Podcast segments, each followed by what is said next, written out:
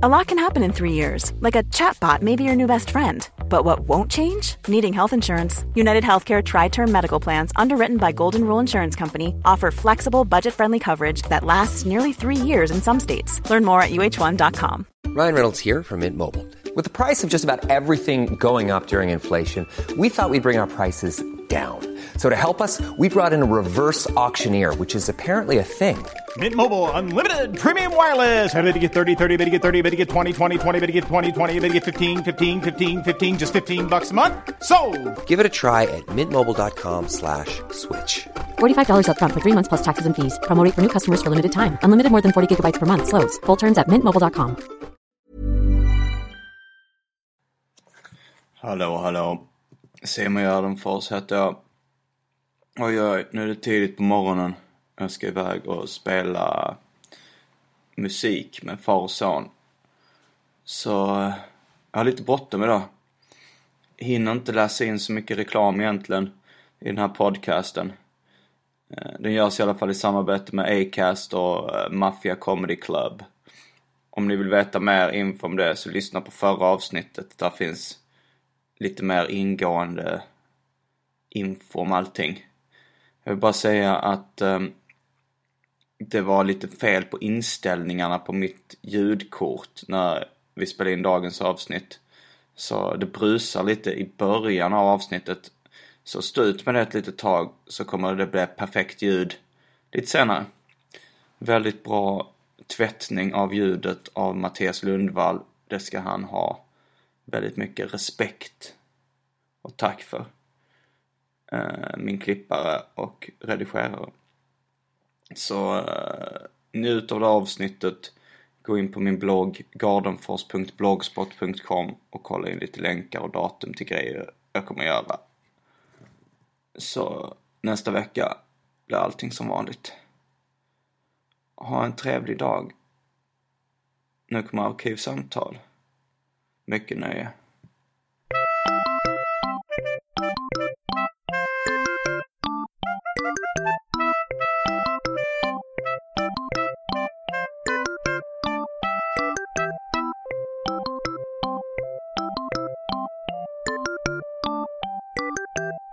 då säger vi hej och välkomna till Arkivsamtal. Jag heter Simon Gärdenfors och mitt emot mig sitter Elinor Svensson. Och idag ska vi prata om besvikelse. Jag är väldigt glad för detta. Elinor kom just in genom dörren i min lägenhet. Och då så frågade hon vad ska vi prata om idag? Då hade jag börjat tänka lite på ämnet besvikelse. Men det var nog ganska mycket för att förra gången jag spelade in en podd, det var med Simon Svensson, så kraschade hans dator mitt under inspelningen efter en timme. Så himla deppigt. Och sen så spelade vi in en timme till. Och sen så försvann de filerna också. Och, och grejen var att då pratade, båda samtalen, för er som missade dem, det vill säga alla, Alla utom ni var, var, de var roliga och intressanta. Och det andra avsnittet handlade lite om besvikelse. Eller det var, vi började komma in på det för jag, jag hade bestämt mig för att bli bäst i världen på att bara släppa saker och gå vidare direkt. och när jag väl bestämde mig för det så blev jag ganska bra på det. Kanske inte bäst i världen. Det vet jag inte. Det kanske finns någon, det är alltid någon jävel som är bättre på saker än vad man själv är. Någon i Kina säkert. ja, men, men är du bra på det? Ja, jag har blivit jävligt bra på det. Alltså båda de två grejerna med Simon Svensson, att poddarna försvann. Jag bara släppte det och gick vidare. Jag vet inte om... Jag tror att det inte finns några negativa konsekvenser med det beteendet.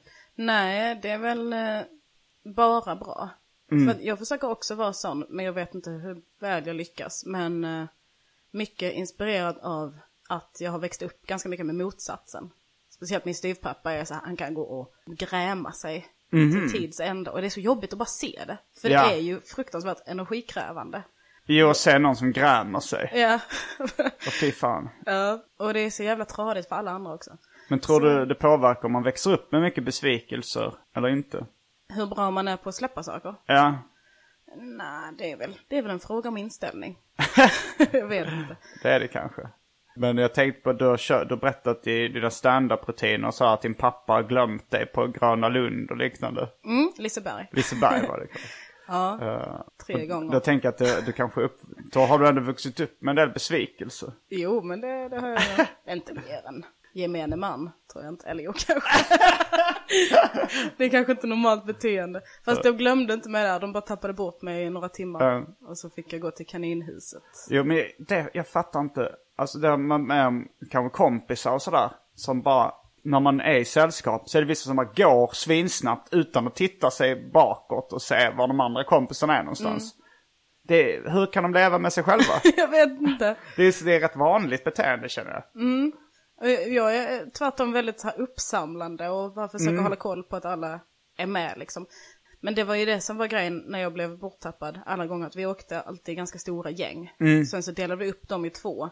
Ett gäng som ville åka karuseller. Ett gäng som bara ville dricka sprit.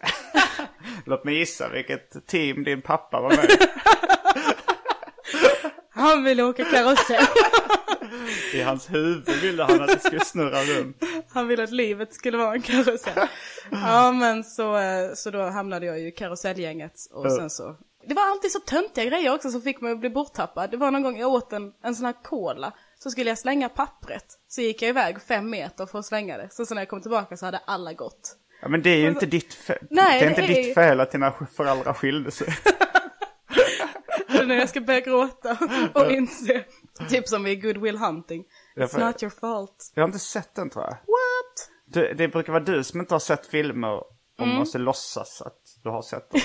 Jag Eller brukar inte med. låtsas. Nej men du brukar, uh, ja. Du sa någon gång att varje gång någon typ groundhog day så bara sitter du tyst och berättar inte att du inte har sett det utan bara försöker komma undan. Ja men jag har ändå förstått lite vad, vad den går ut på. Så. Eh, Men vad handlar Good Will Hunting om? Eh, Det är Matt Damon, är, lever i slummen, men är ett matematiskt geni. Och så blir han på något sätt upptäckt som matematisk geni av Stellan Skarsgård som är superprofessor på en bra skola. Och sen så vill han att han ska börja jobba för NASA typ och sånt där. Och de ska hjälpas åt med matematiska mysterier. Och så är Robin Williams eh, psykolog som ska hjälpa Matt Damons karaktär att ta tag i sitt förflutna som föräldralös och våldsam bad boy. Så att han ska, ja.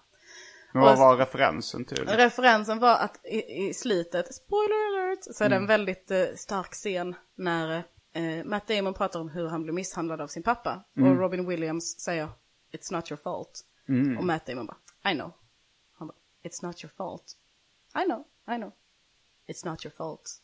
Och sen så säger han det tills han bryter ihop och börjar gråta. Nästan ganska komisk gråt. För han skriker väldigt mycket. Men är det något trick Robin Williams gör då? Han gräver väl djupare och djupare. Men alltså jag är lite tveksam till hela den här grejen. Där, där, det, det, vi kan ju dra paralleller till det här med att, eh, att släppa saker och gå vidare. Att vissa har ju inställningen att man ska gå till botten och bryta ihop, släppa ut sorgen för att kunna gå vidare. Medan jag, här påstår jag även att jag är understödd av ledande forskning. Jag väntar mig inget annat. menar att det är bättre att bara vifta bort det. Att det är lite som uh, hat föder bara hat. Ilska föder bara ilska. Att det är så att ju mer man grämer ner sig och skriker, desto mer arg och ledsen blir man. Men tror du att sorg föder sorg? Ja, Tror du inte att sorg är någonting man måste hantera färdigt för att sen kunna gå vidare? För annars så ligger det kvar och, och bara behöver komma ut. nej. Du tror inte på känslor? Jag tror på känslor. men jag tror, men det, är- det är en gammal uh, citat, sanningsslutcitat. Det du just sa. Ja. Som på senare tid har ifrågasatts. Ja. För att det låter lite så här magiskt Freud-grej. Att det, att det finns ett undermedvetet och sådär som måste släppa ut grejer. Det, mycket, det var ju snack om ilska också för att uh, åh, man släpper ut ilskan och skriker. Då mår man bättre sen. Ja. Men det har visat sig att ju mer du skriker och släpper ut ilskan desto argare blir det bara. Du bara får närmare till ilskan. Jag tror, jag tror det kan vara samma sak med sorg. Och, besv- och besvikelse för att jag vill hålla mig till temat. Men jag menar kanske mer sorg i det här fallet. Ja. Eh, och jag tror, jo men med besvikelse också. Du behöver inte gräma dig för att kunna gå vidare och släppa det. Ett problem är ju någonting som det finns en lösning på förmodligen. Så du tänker, åh det är ett problem, hur ska jag lösa det här problemet i en relation eller vad som helst. Men någonting som du vet som inte går att förändra, det är ju ett villkor. Om någon har dött till exempel. Nu, nu tog jag det till en extrem. Ja. Eh, om, nå- om någon har dött, då är det ett villkor du måste leva med. Jag tror egentligen det är bäst att bara vifta bort det. alltså det här Alltså- kanske, är, det kanske är provocerande för vissa. Ja, men jag tänkte, när du skrattar, är det Ja. för att du förstår hur provocerande det kan Ja, vara? det, det, det, men, men samtidigt så inser jag också att det här kanske, jag kanske är något genialiskt på spåren här. Låt oss testa och bara vifta bort. Men jag, för jag tänkte, låt säga att du tänkte spela på Lotto med dina vanliga siffror en dag och sen så Mm. missar du att gå dit och sen så de siffrorna va- var där de rätta. Jag vet Mm. inte hur det funkar med sånt här. Och då, då kan man ju vara så här, ja ja, okej. Mm. Då Det är ju tricket för att släppa någonting och säga, ja ja, Ja. nu blev det så. Och vifta lite med handen som du just gjorde. Mm. vifta bort det. Eh, Väldigt eh, bokstavligt talat. Men om någon dör, då kan det ju göra ganska stor skillnad i ens liv Ja. som påverkar en varje dag. Ja. Ska man då varje gång så här, åh jag vill eh, ringa min mamma nu, nej visst ja hon är död. Ja, ja, Mm. Ja, ja. Ja! Det är bara att vifta bort. jag ser fram emot att någon i din närhet dör så vi kan prova. Men, alltså, Nej, jag någon i närhet har ju dött. Alltså, många av mina kompisar har dött. Mm. Alltså, då hade jag inte kommit på teorin, det är bara att vifta bort. ja. Eller det kanske jag hade. Alltså grejen var att jag har, jag har gjort en bok om, alltså jag har haft flera kompisar som har dött. Mm, jag har gjort en bok eh, om Död kompis då som handlar om en av mina kompisar som har dött. Och eh, jag blev ju chockad då såklart liksom. Och, eh, och ledsen. Och eh, ja, det är frågan om man, inte, om man försöker vifta bort så kanske man ändå inte kan. Nej, och framförallt chock kan ju vara, jag har hört att chocktillstånd kan vara upp till två år. Det var nog det som hände lite för att jag blev deprimerad kanske ett år efter han hade dött. Då blev jag djupt deprimerad. Men sen vet jag inte vad det berodde på. För att det var ju så här, jag var eh, 20 liksom. Vissa bara hamnar ju i depressioner i den åldern. Det är väl ganska vanligt att man gör det i alla fall. Mm, jag tror jag var 20 när jag fick min första Ja. depression också. Och du hade ingen kompis vad jag vet som hade dött ett år innan. Jo, eh, det hade jag, men eh, det var inte det. Men, Alltså det var nästan lite pinsamt. Jag var enormt ledsen i flera år för att min mormor dog. Det är inte pinsamt, men det, men det är ju lite, tö- det är, alltså om en kompis berättar att de är jätteledsna för deras far eller morföräldrar har dött, då är det lite som att de är jätteledsna för att deras kanin har dött. Känner Ja, jag. För man vet att man inte kommer out, de inte kommer outlive you. Eh, så det var bara att vänta.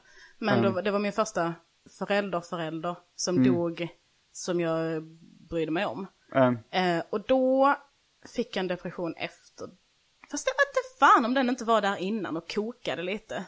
Och sen så kokade den över. När... Jag tror vissa kanske letar lite efter sådana, alltså så här, om man mår väldigt dåligt. Så finns vissa som liksom letar lite efter anledningar att frossa i misären liksom. Ja, Eh, och då kanske ett dött husdjur, föräldrars skilsmässa eller mormor och morfar som dött eller farmor och farfar. Kan vara en sån grej. det kan det nog vara. Jag har tidigare berättat om eh, att jag blev av med en pinne till min smurfbur när jag var liten. Och använde det som kanal för all min sorg och ångest inom mig. det är kanske ännu mindre socialt accepterat. Men också ganska fint. Alltså så, för när du vill så kan du ju vara ledsen över någonting. Eh, det behöver inte vara något som har hänt nu. Men du kan också släppa det ganska lätt antar jag när du inte känner för att vara... du tänker att jag fortfarande är ledsen över Jag smurfburpinnen? vet inte hur du känner. Men om du vill gå till a place of sorrow in your heart så kan du tänka på det. Jag lyssnade igår på eh, Sveriges 20 roligaste. När Mm. eh, Messiah Hallberg intervjuade Kristoffer Appelqvist. Och då var Kristoffer Appelqvist väldigt inne på det att man skulle gå till sorgen och inte bara vifta bort den. Men jag tror det är en lite gammeldags uppfattning. Det kan det vara, men jag tror också det är väldigt individuellt vad man behöver. Ja, Vissa behöver ju också vara så här, kolla jag är ledsen, skriv Mm. styrkekram till mig på Facebook. Och vissa behöver bara vara själva, alltså det är väl... Ja. eh, klart ganska- att jag är ledsen ibland också. Jag mår dåligt också. Jag kan ju inte vifta bort allting. Men jag tycker det är värt ett försök. För att Vad är de- målet i det här? Att, du Att ska må vara så glad? bra hela- som möjligt. Ja. För att det har funkat med sådana små saker. Ifall jag till exempel, en cykel har blivit stulen eller sånt där. Så bara, ja, ja. Då viftar jag bort det. Ja. Och sen så, må, då, så det har ju funkat på det sättet att innan kunde jag gräma mig mycket mer innan jag bestämde mig för att sluta med det. Men Jag tänker att man kan välja lite också. Min, jag hade en kompis i gymnasiet som var väldigt svartsjuk på sin tjej.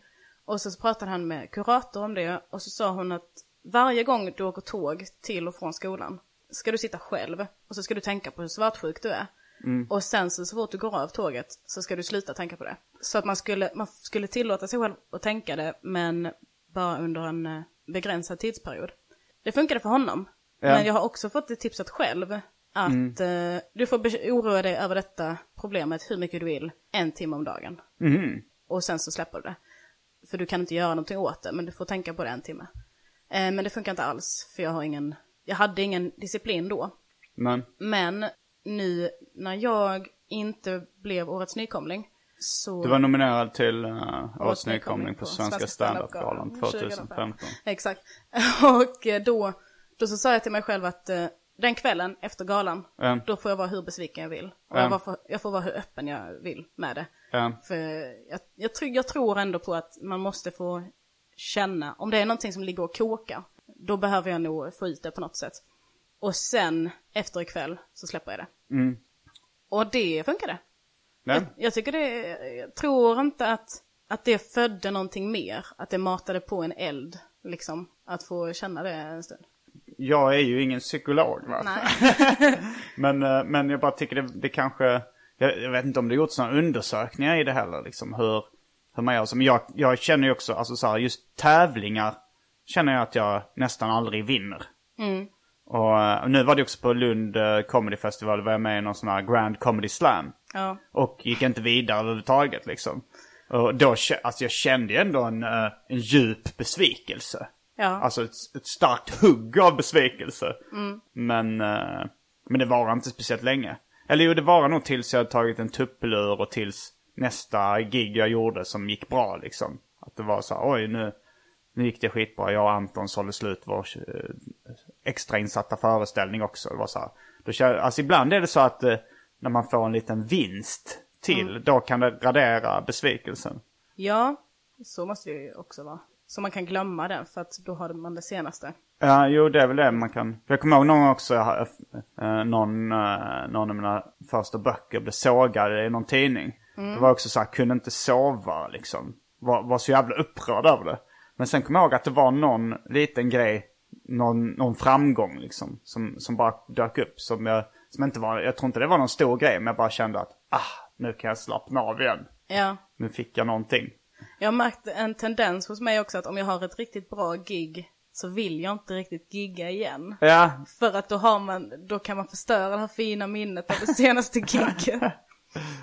Men på tal om den, att jag var så öppet besviken också efter att jag inte vann. Jag tror också att det var bra, för då, öppet besviken. ja, Mm. när folk frågade så är du besviken? Jag bara, ja, jag är jättebesviken. Och sen kommer jag släppa det efter ikväll. Men då var det ändå, folk eh, blev lite så ja men jag respekterar ändå det. För det visar att du bryr dig. Hade jag bara varit så, "Pff, fuck det där jävla priset, han kan ha det, Nisse Hallberg, jag behöver inte det. Mm. Då hade det varit, eh, gett en annan bild. Jo, jo. Ifall man nekar till sin besvikelse. Då framstår man som förljugen och jobbig. Det var en kompis till mig som eh, blev eh, dumpad på ett ganska förnedrande sätt. Eller så här. Han, hade, han hade tagit med någon, sin flickvän till en eh, festival där han uppträdde. Och sen så hade hon liksom gått iväg med någon annan kille och sen blev hon ihop med den killen. Och han, han liksom levde väldigt mycket i, i förnekelse av sin besvikelse och var så här. Nej, alltså hon har träffat en jättetrevlig kille nu. Jag är glad för hennes skull. och det var så... Vem fan var detta som pratade? Nej! Jag är glad! Vi kan säga att jag jobbade med fingner, fingerade röster. Ah, okej, okej. Det kändes farfetched. Okej, vi säger så. Nu har det blivit dags för det omåttligt populära inslaget Välj drycken.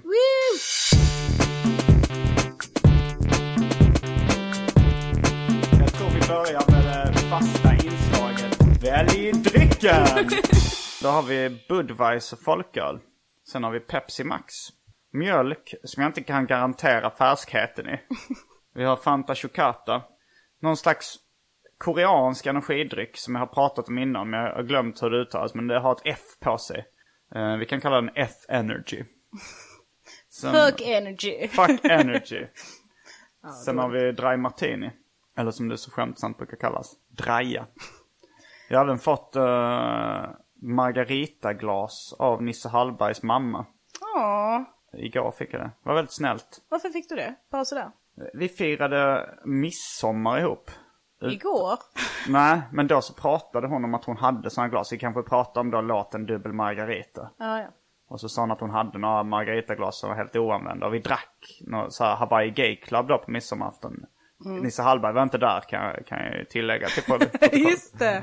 Eh, men ehm, då Men- drack vi Hawaii Gay Club i sådana glas. Och då så frågade hon om jag ville ha hennes oanvända glas. Så sa jag, ja tack. Mamma. Men du har ingenting att hälla i dem alltså? Ja, det är Dry Martini. Hawaii Gay Club är lite slut. Det finns nog lite uh, Malibu kvar kanske. Nej, den har jag slängt. Den är slut också. Jag har drömt om att välja drycken Dry Martini sen första gången jag var med Okej. på samtal. Så det Ska vi kommer göra jag verkligen? göra. Jag vill också ha en draja. Yes. Är du draja med Dry Martini? Nu är jag det. jag har aldrig träffat honom innan. Jag har aldrig druckit en Dry Martini. Nej. Nu är det dags. Var beredd på att det är inte sött. Det, det, det är en ganska, det är en acquired taste. Vi är strax tillbaks med två drajor. Häng med!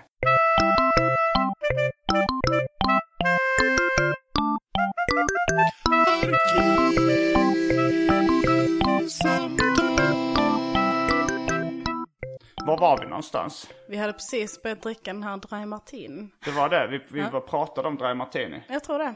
Jag gillar det. Alltså... Nej, vi pratade om smickrande människor. Eller insmickrande. Insmickrande människor, ja. För jag tänkte på det, alltså ligger det inte i ordets betydelse att smicker är för ett syfte? Alltså att det inte är ärligt. Jag vet inte. Det, nej, jag tror att det, att det kan vara ett smickrande omdöme bara som är en osmickrande bild. Ja, Men att det, att det bara är, betyder positivt. Fast du menar lismande kanske är mer Ja. eh, när, man, när man har ett syfte. Alltså när man har, när det är propaganda så att säga. Man medvetet vill komma någon vart. Mm. För det är nog den relation jag har till det ordet. Beröm, vad har du för in, inställning till ordet beröm? Beröm känns som någonting man får när man varit duktig. Det får man Mm. inte för sin person, Nej. utan det får man för sina prestationer, tänker jag. Sen kanske jag bara tilldelat de här orden olika betydelser. Ja. Jag vet inte. Språket är ju så att säga levande. Ja, det är det. Det är det verkligen. Nej men vad jag tänkte på med, apropå sorg och besvikelser. Nej men det här att erkänna att de, man är besviken. Vi, det var, jag tror det var det, vi lämnade strax innan Välj drycken den här killen som nekade till att han var besviken. Just det. Hans flickvän hade gjort slut men han låtsades som att han inte var besviken. Där blir det ju patetiskt om man försöker vifta bort det på det sättet. Att alla ser att man är besviken men man lever i förnekelse. Verkligen. Har du förnekat besvikelse någon gång? Ja, det har jag nog gjort. Men, det, men kanske är det, alltså om det är små besvikelser kanske det är samma sak som att vifta bort det. Att jag har liksom låtsats att, ja men jag går vidare nu. Alltså det har nog varit mest i kärleksproblem liksom.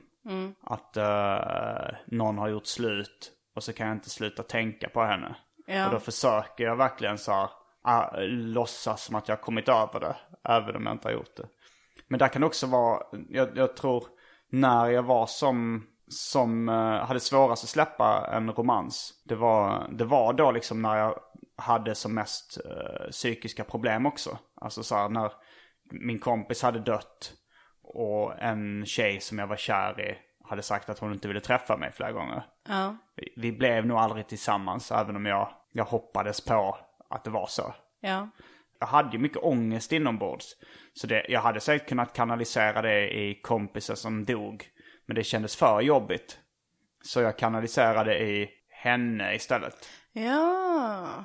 Okej, jag för det kändes här, lättare att hantera kanske. Kan, nu är det ju min 25-öresanalys. Ja. Men det kan ju också varit så att det bara var att jag blev, tyckte det var ännu jobbigare liksom. För det var mer, jag vet inte, det var så här, tonårsförälskelse kan ju vara en extremt stark känsla. Ja. Men tonårsförälskelse, är inte det, är inte det samma sak som nu?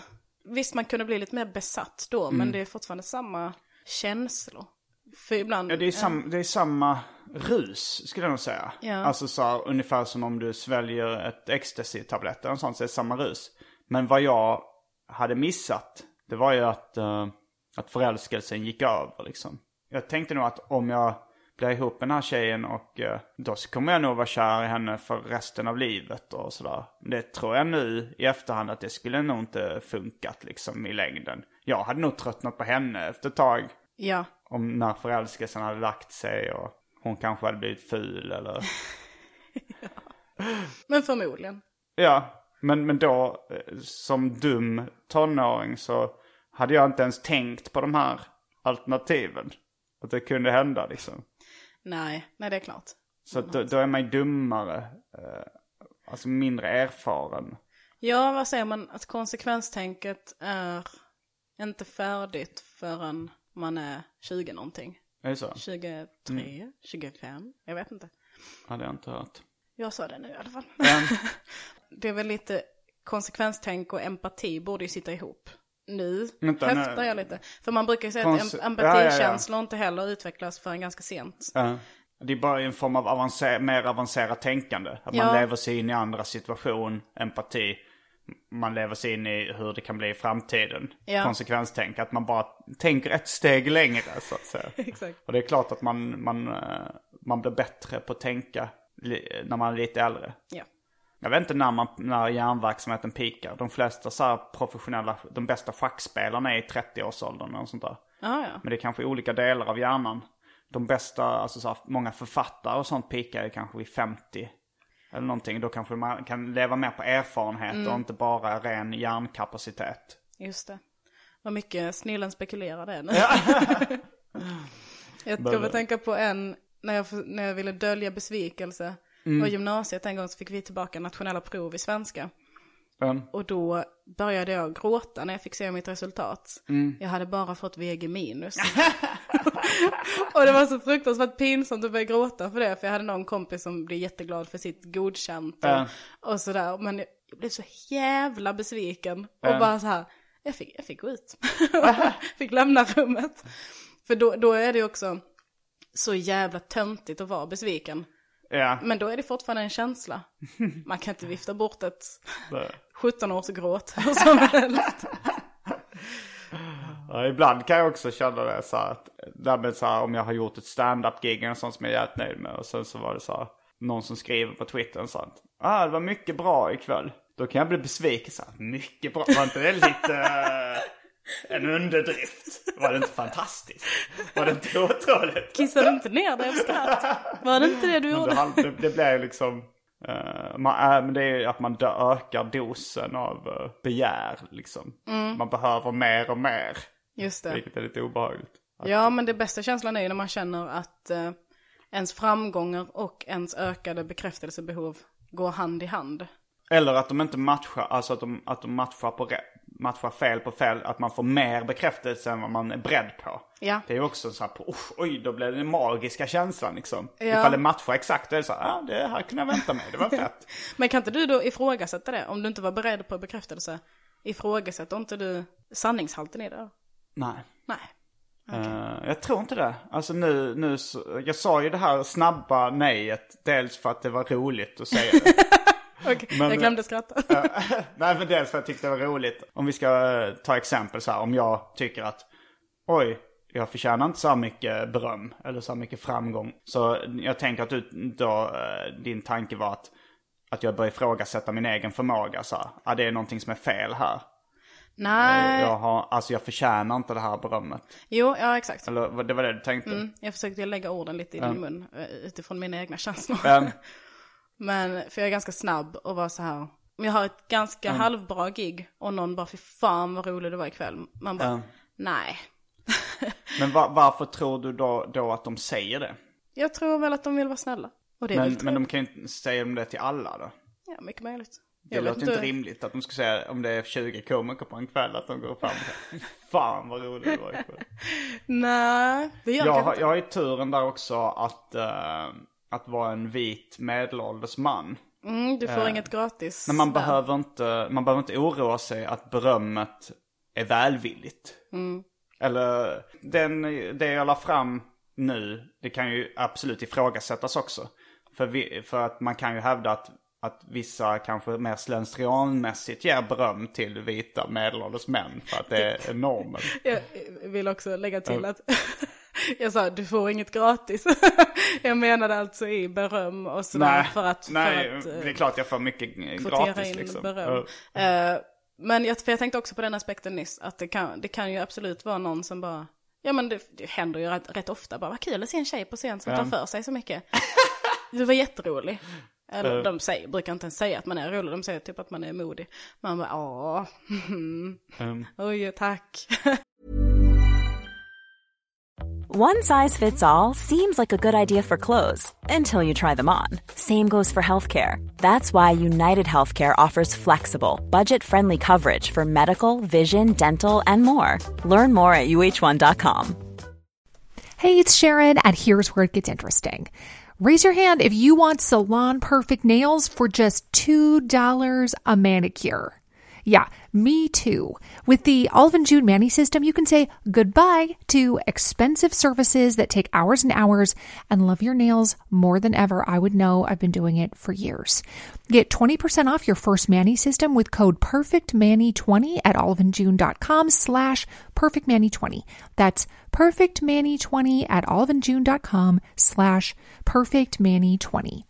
I'm Sandra, and I'm just the professional your small business was looking for. But you didn't hire me because you didn't use LinkedIn jobs. LinkedIn has professionals you can't find anywhere else, including those who aren't actively looking for a new job but might be open to the perfect role, like me. In a given month, over 70% of LinkedIn users don't visit other leading job sites. So if you're not looking on LinkedIn, you'll miss out on great candidates like Sandra. Start hiring professionals like a professional. Post your free job on linkedin.com slash spoken today. det är ju både för och nackdelar med att vara, alltså en, tjejer är inte minoritet i Sverige, men alltså minoritet på standup-scenen. Ja. Olika minoriteter på standup-scenen kan, det, kan, det är ju både för och nackdelar liksom. Ja. Dels de här grejerna som du tycker var jobbigt, men sen kanske man kan få lite lättare att få gig och sådär ibland. Jag har det rätt flott. Jag är glad för den här eh, snippan. men det kanske du hade haft om du var man också. Mycket möjligt. Det, det kan du aldrig veta. Det är det som är det sköna. att jag, Vifta bort det. Nej, det är sant. Men jag tänkte på en grej som är förknippad med besvikelser. Det är ursäkter. Alltså när folk ska be, be om ursäkt. Dels det här att när, om du har varit med om ett nederlag. Att folks medlidande kan ju vara ännu jobbigare än själva nederlaget. Om folk säger, ja, ja, jag tycker du skulle ha vunnit eller så. Eller jag tyckte du var rolig, säger de. När man, när man gjort ett dåligt gig eller. Ja. Men verkligen. Ursäkter var något med ett sidospår som jag ville komma in på men kanske inte hade en riktigt motiverad. Det är din podd, du gör vad du vill. Ja, Vi pratade, jag och Felicia pratade om att min, min första soloföreställning ska heta Jag är vit feminist, jag gör vad jag vill. jag ser mycket fram emot att skriva det. det kanske är ett ännu bättre namn än en slapp fitta. som. Nej, var det, ja var det det? En slapp timme heter min soloföreställning så skulle din heta en slapp fitta. vi måste göra det. Det hade ju varit jävligt snyggt. Tänk dig poster, bara ditt ansikte. Och så en slapp fitta. Men pratade vi inte om att vi skulle ha typ en likadan affisch som på din, fast i, och så min kropp, fast istället för mitt huvud skulle det vara en fitta. en slapp fitta med Elinor Svensson. Elinor Svensson är en slapp fitta. Där har vi det. Men kör ursäkter, kan vi prata om det? Men jag tycker ofta det är jobbigt när folk inte kan släppa och gå vidare utan måste hela tiden be om ursäkt. Du- Jag, jag var ihop med en tjej för länge sedan. Nu kommer du eh, klaga på att du har haft så mycket förhållanden. men det är samma förhållanden som återkommer. Jag tänkte inte säga något, men jag tänkte tanken. Ja. Kör. Och eh, det här var då när jag gjorde den här Simons 120 dagar. Då var jag, var jag eh, kär i en tjej eller så här. Eh, Kärlek är ju ett svårt ord att definiera. Men det var jag nog. Jag var förälskad i en tjej. Men, eh, men samtidigt så hade jag planerat det här projektet att jag skulle ut och resa i Sverige och knulla runt. Det var min plan. Det var, det var Det- ett alltså- av syftena. Ja, det var det. Ja. Eh, det var liksom, jag tänkte så här, nu har jag fått lite den här framgången och fans liksom. Nu, det var en, en av baktankarna med resan var ju att jag skulle knulla runt. Det var jag rätt öppen med i början av boken också, att det var en av tankarna. Och jag hade ju fått den här idén, jag hade planerat in datumet liksom så här, jag skulle, det var i mars 2006 eller 2007, det var ett länge sedan. Men under planeringen så började jag bli lite för intresserad av en tjej. När du är intresserad av en tjej, är du fortfarande intresserad av att knulla med andra då? Då var jag det. Det, det är lite olika, alltså så här intresse, förälskelse, kärlek. Det är ju ingen av eller på-knapp för mig i alla fall. Nej. Utan det kan vara ifall jag är så här totalt nyförälskad, upp över öronen kär. Då är jag inte speciellt intresserad av att ligga med andra. Alltså en av anledningarna kanske är att jag vill inte paja det här förhållandet. Men en annan anledning är också att jag kanske är så fokuserad på min förälskelse att jag inte bryr mig så mycket om andra. Jag pratade med Anton om, om det här Mm. häromdagen. Att, eh, så sa jag att det, det känns konstigt då när man är eh, intresserad av någon. För då, man är ju van vid att knulla dit vinden för en. Ehm, Men sen så finns det plötsligt ingen vind längre när man är. nej. Jag tycker det är ganska vackert. Tycker du monogami... Nu är jag för full, den här Dreimatin är rätt stark. Den var Tycker jävligt stark. monogami är vackert? Om det går. jag vet inte om det Nej, funkar. jag tycker inte det egentligen är så mycket vackrare än något annat. Nej men jag tänker så här, det är väl eh, gött när det händer mig. Det är som cancer fast tvärtom. Cancer är gött när det händer andra. Exakt. det händer inte mig. Eh, ja, jag Eh. vet inte, jag har inte provat. Jag har inte provat monogami. Nej, inte, Förutom, ja. du har ju gått igenom din relationshistoria. Den var väl ändå hyfsat monogam? Jo, det var Även den, om det men- inte var vacker. Ja, men jag tycker inte att den räknas riktigt. Jag tänker på så här, ett riktigt förhållande i vuxen ålder. Men ja, det är ju också ett val av mig att inte räkna den som... Mm. Det är väl också en bit av mig som tycker att jag låter lite mer intressant när jag säger att jag aldrig har haft ett förhållande. Jaha. Kanske. Ja. Men du har ju, ja. Yes, Simon. jag har haft ett förhållande. en studie i OCD.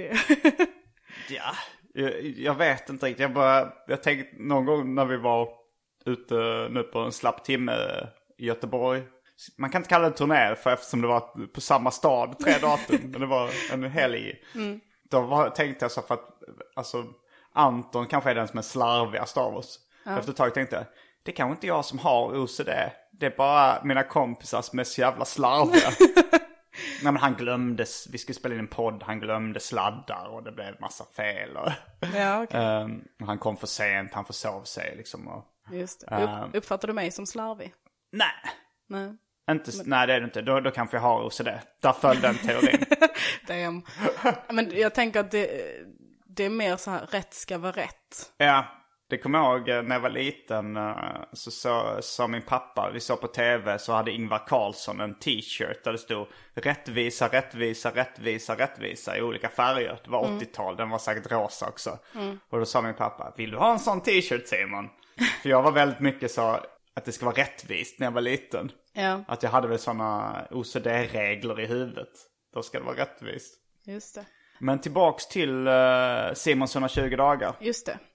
Och den här uh, tjejen.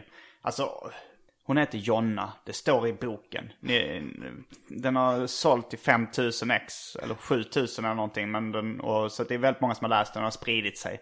Det är inte ett hemligt namn. Vi behöver inte jobba med fingerande namn här. Nej. Men eh, hon...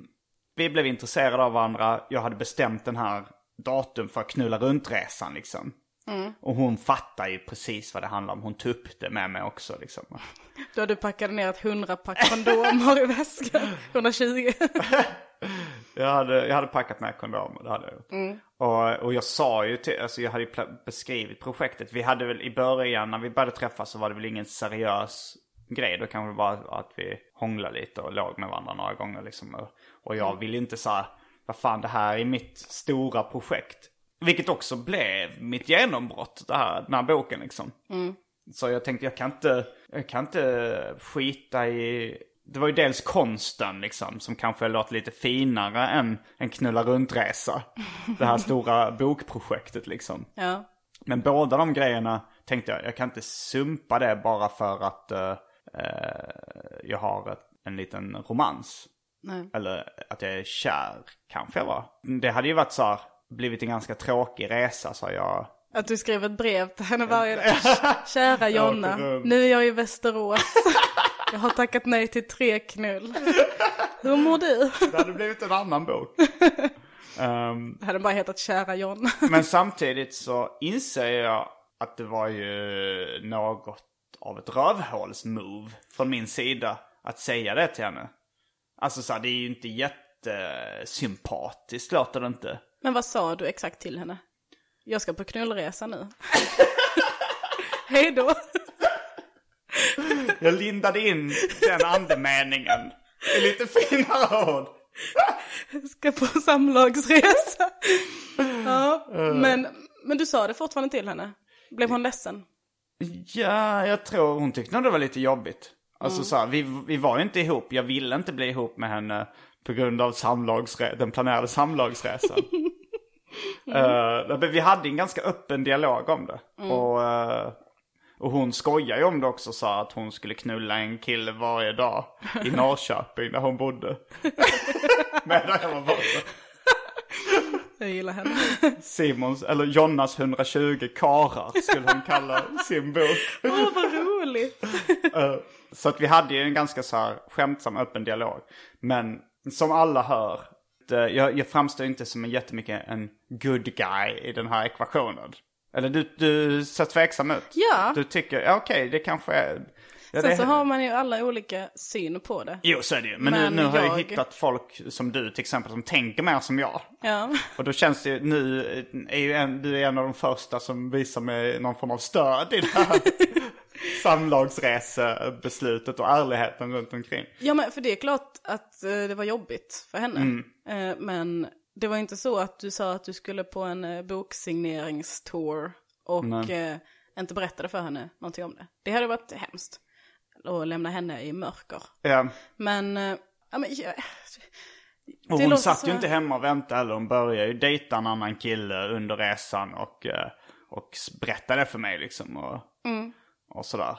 Men sen när jag kom tillbaks från resan så, då var vi ihop typ några månader. fick du komma tillbaka med, med svansen mellan benen då? Jag tror jag kom tillbaks, då var hon i Japan redan i en månad eller något sånt där. Och sen så hade vi ett distansförhållande. Hon bodde i Norrköping, jag bodde i Stockholm. Och vi träffades på helgerna liksom. Och eh, kanske lite då och då.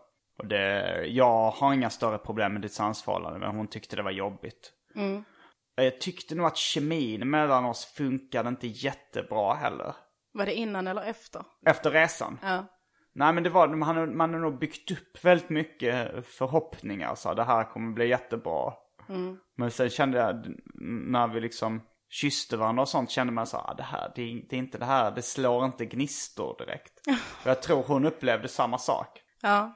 Och sen eh, på nyårsafton, vi firade, hon sa att hon skulle fira med sin kompis eh, och jag firade eh, med några kompisar i Stockholm. Hon firade i Norrköping.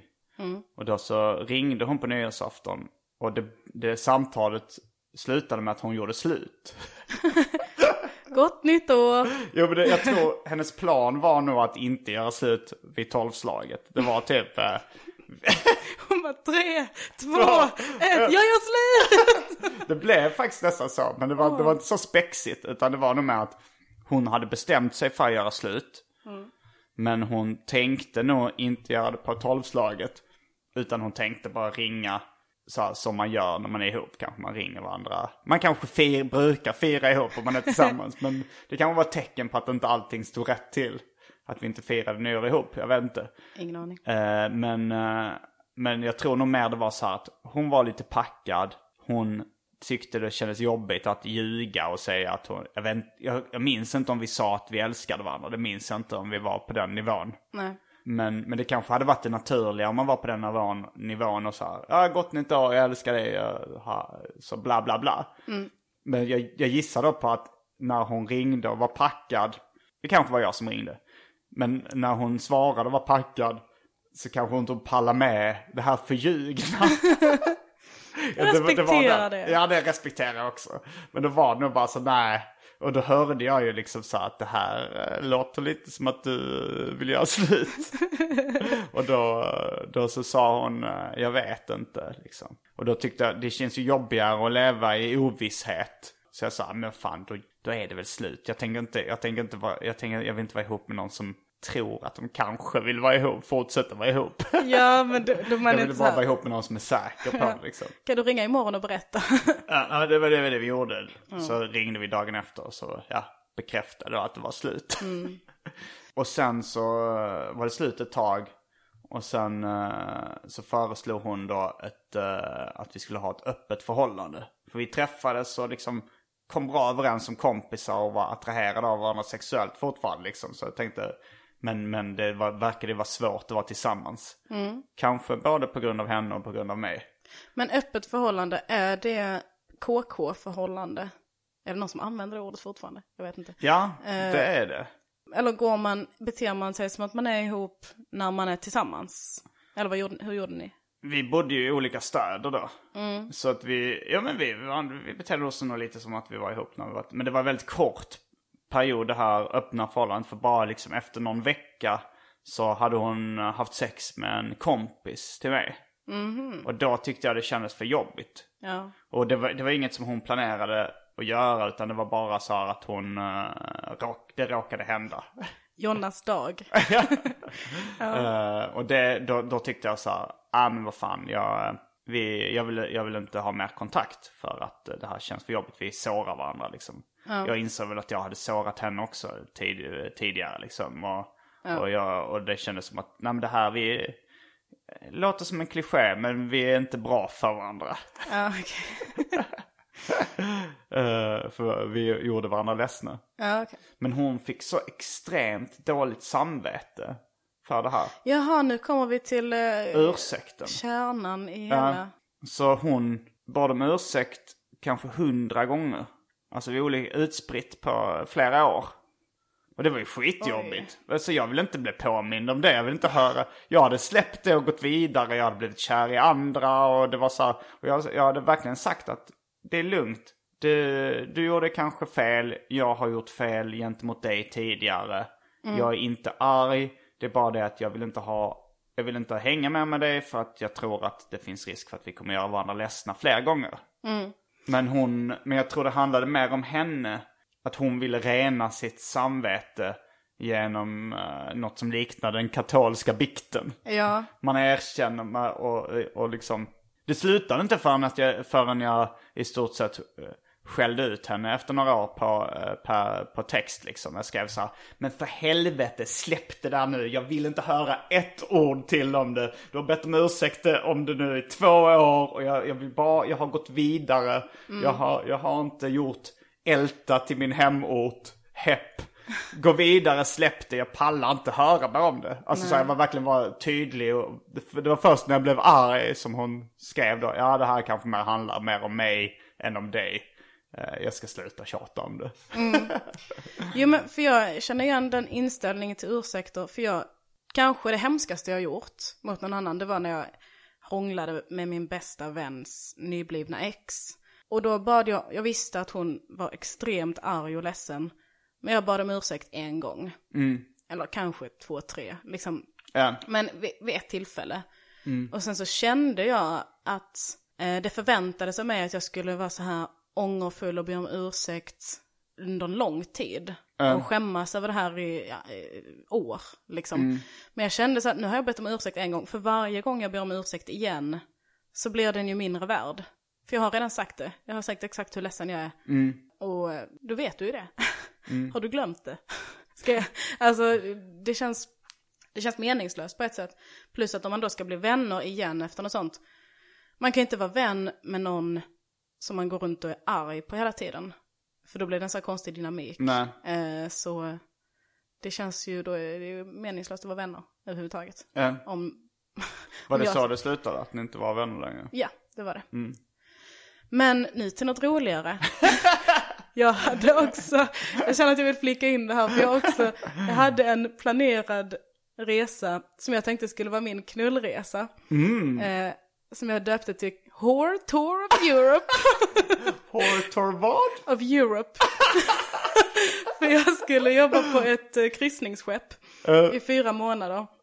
Eh, när jag var typ eh, 21 kanske. Och då var jag så här, nu jävlar.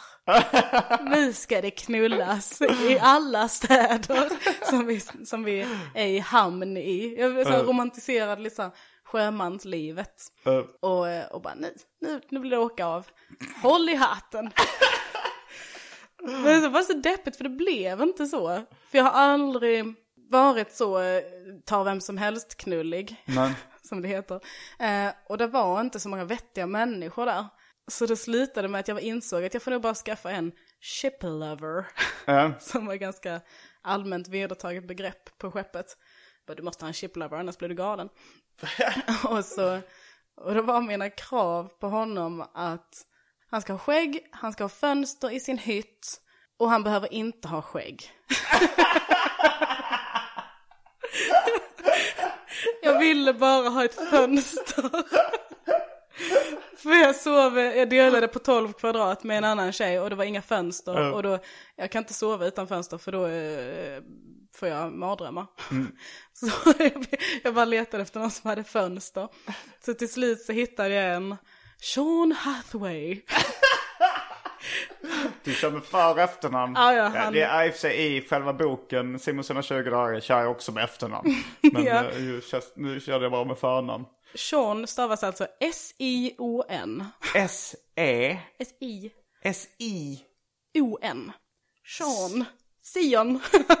som Dijon-senap fast med S. Dijon. Sion. Sion. Ja, han var Nej, typ... Dijon stavas på ett annat sätt, inser jag Det nu. gör det. Helt annan bokstav. Och han var gammal. Eller gammal. I min ålder. Nej. Kanske tio år äldre än du. 47. Ja, kanske. Jag minns inte riktigt. Som kromosomantalet. Exakt, det är mitt ideal. Det ska vara lika många år som kromosom. Nej, men så inledde jag målmedvetet en romans med honom på skeppet. Eller romans kanske man ska säga. Hur gick de första stegen till? När du närmade dig Sean. Sean. Jag tror att han kommenterade mina pattar någon gång.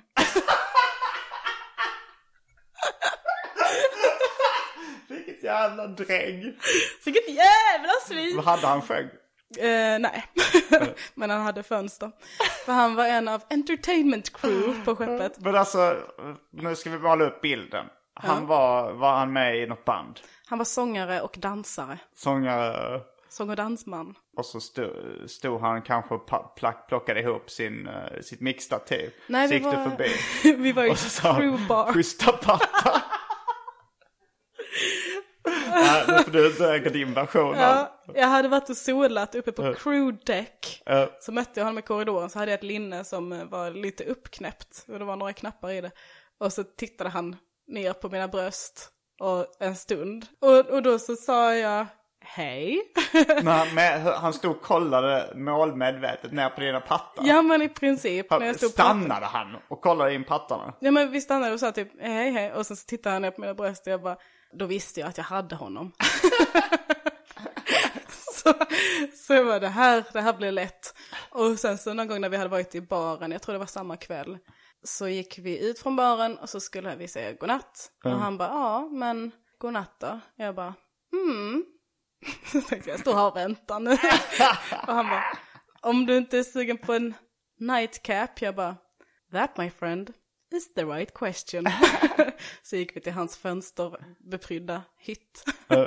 så det var, det var en framgång tills några veckor senare när jag frågade hans kollega, var är Sean? Jag har inte sett honom på några dagar. Han bara, nej han bor i en svit den här veckan. Jaha, varför då? Ja, hans fru och två barn är och hälsar på. jag bara, okej. Han är gift ja. Jag hade frågat honom innan det. Och han bara, nej nej, separated. Jag bara, okej, säkert. Så jag hade anat det lite så. Men så eh, var de och hälsade på. Så han var där en vecka. Sen kom han ner igen. Och då var jag så irriterad på honom för att han hade ljugit och sagt att de hade separerat. Så då tänkte jag, nu har han säkert jättemycket ångest. Jag ska ge honom lite till. Så jag förförde honom en sista gång. Slutade med att han låg på golvet och sov den natten. och jag bara, Du låg i sängen. ja. Han hade så mycket ångest för att han hade För att varit han hade- otrogen en sista gång. Mm, han blev, Eller det var sista som att han gången, Det var, lär det ju inte vara. men- jo men det var det. Eh, för han var liksom, han hade Med blivit- dig kanske. Ja, ja, just det. Mm. Vad vet jag. Men så blev han, han blivit påmind om sitt förhållande. Så låg jag där bara, hade jag rökt nu så hade jag tänt en cigg. För det var så himla göttig känsla bara, det här var ett hämndknull. och det har du förtjänat. och då, då, då kändes det så himla bra för mig att han låg där och hade ångest. Och bara så här, jag bara, ta det lugnt. Och sen så, sen var jag klar med det. Så det var din knullresa. Ja, Whore Tour of Europe. så jävla misslyckat. Var det bara Europa ni åkte runt i eller? Eh, ja, det tror jag. Ja, det var det. Så Medelhavet, Egeiska havet och Så du låg bara med en man på din Horror Tour of Europe? Ja. Ja. Det är lite misslyckat, men eh, ja. Men sen, eh, du har berättat att eh, du fick ligga med när du började med stand-up sen. Ja, det skulle jag säga. Men det är nog bara för att jag träffat mer sköna människor. liksom. Eller så, jag har flyttat till Stockholm. Det gör också ganska mycket skillnad. Innan bodde jag i Hässleholm. Eh, Det fanns inte så mycket att plocka ur bottenskrapet där. Men det tog, tog rätt lång tid för mig när jag flyttade till Stockholm. Jag flyttade när jag var, när jag var 21.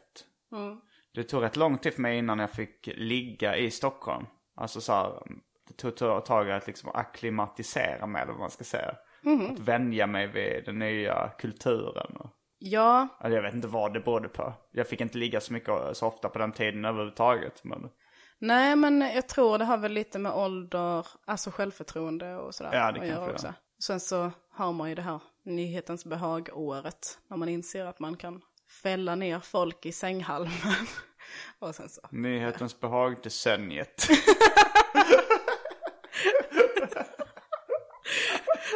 ja, förlåt. Hade du det?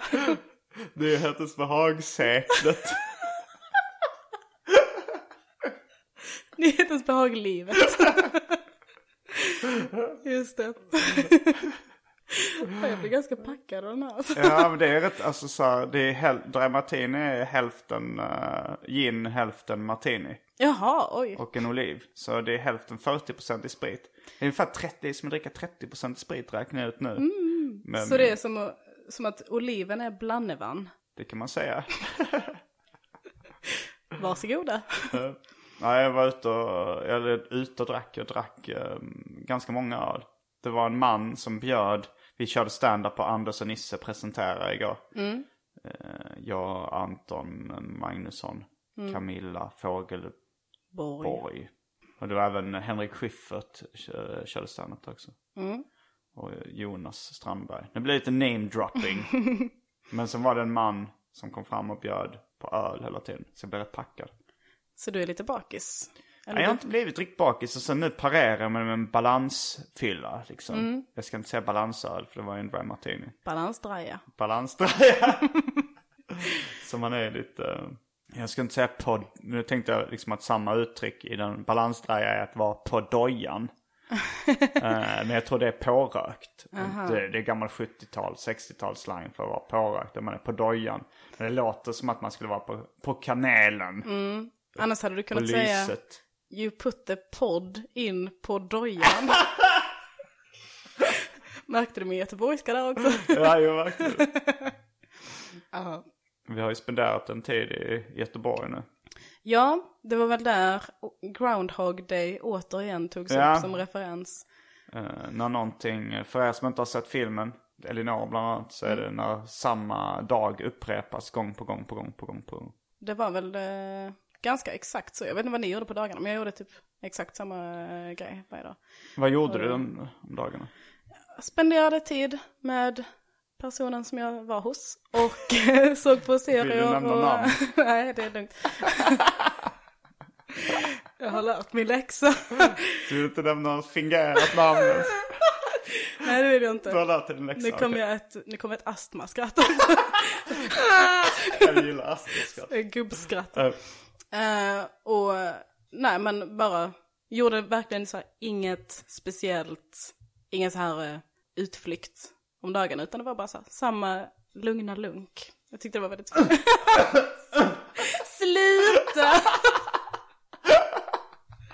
Sluta Simon! Jag kunde, jag kunde inte hålla mig för skratt. Jag fick inte till ett perfekt.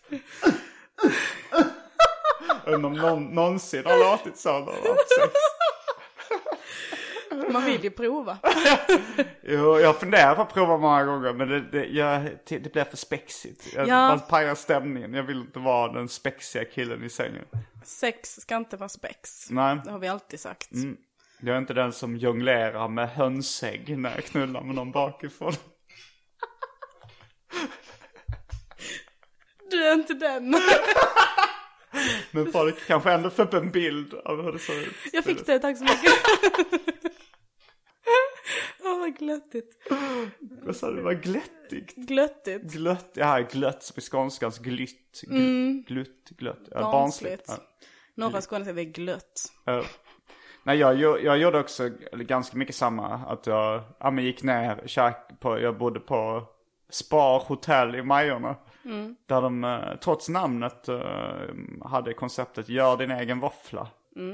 Så jag gick ner och gjorde en våffla med sylt och grädde. Blev våfflan exakt lika bra varje dag? Nej. Men den blev bra varje dag.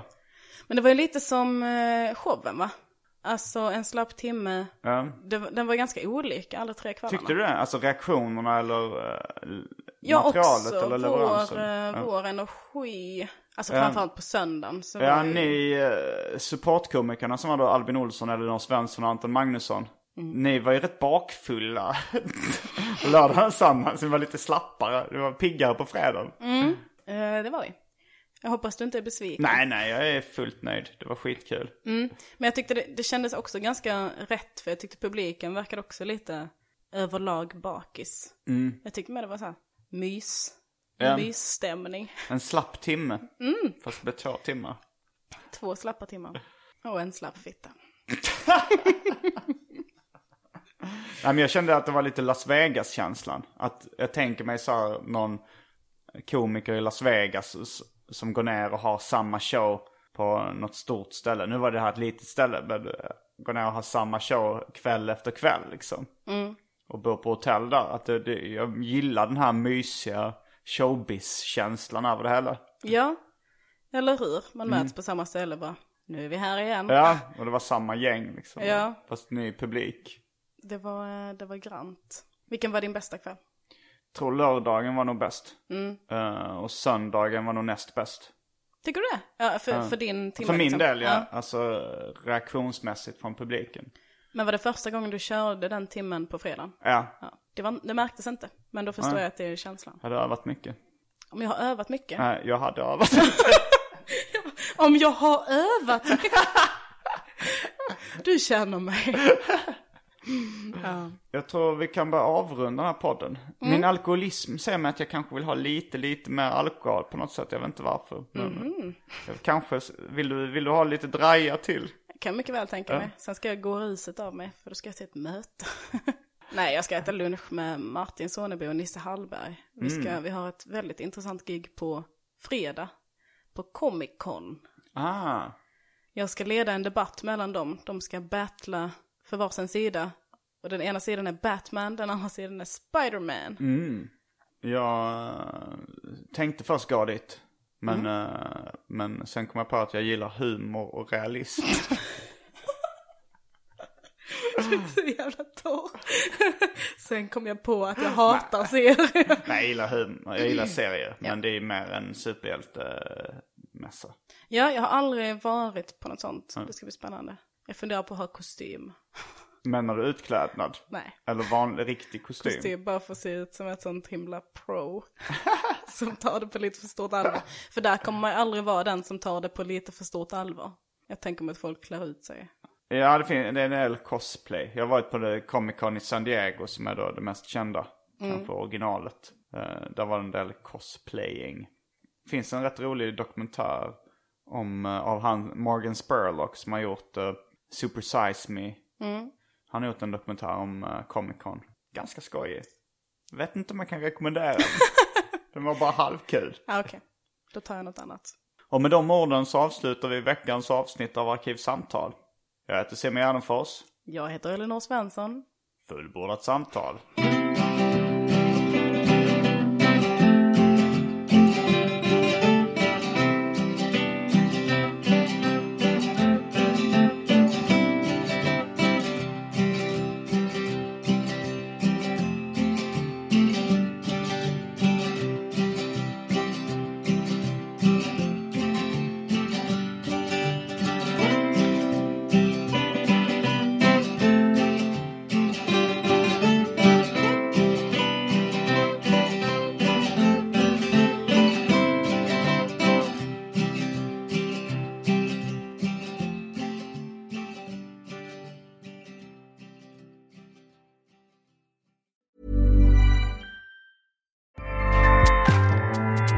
ACAST powers the world's best podcasts. Here's a show that we recommend.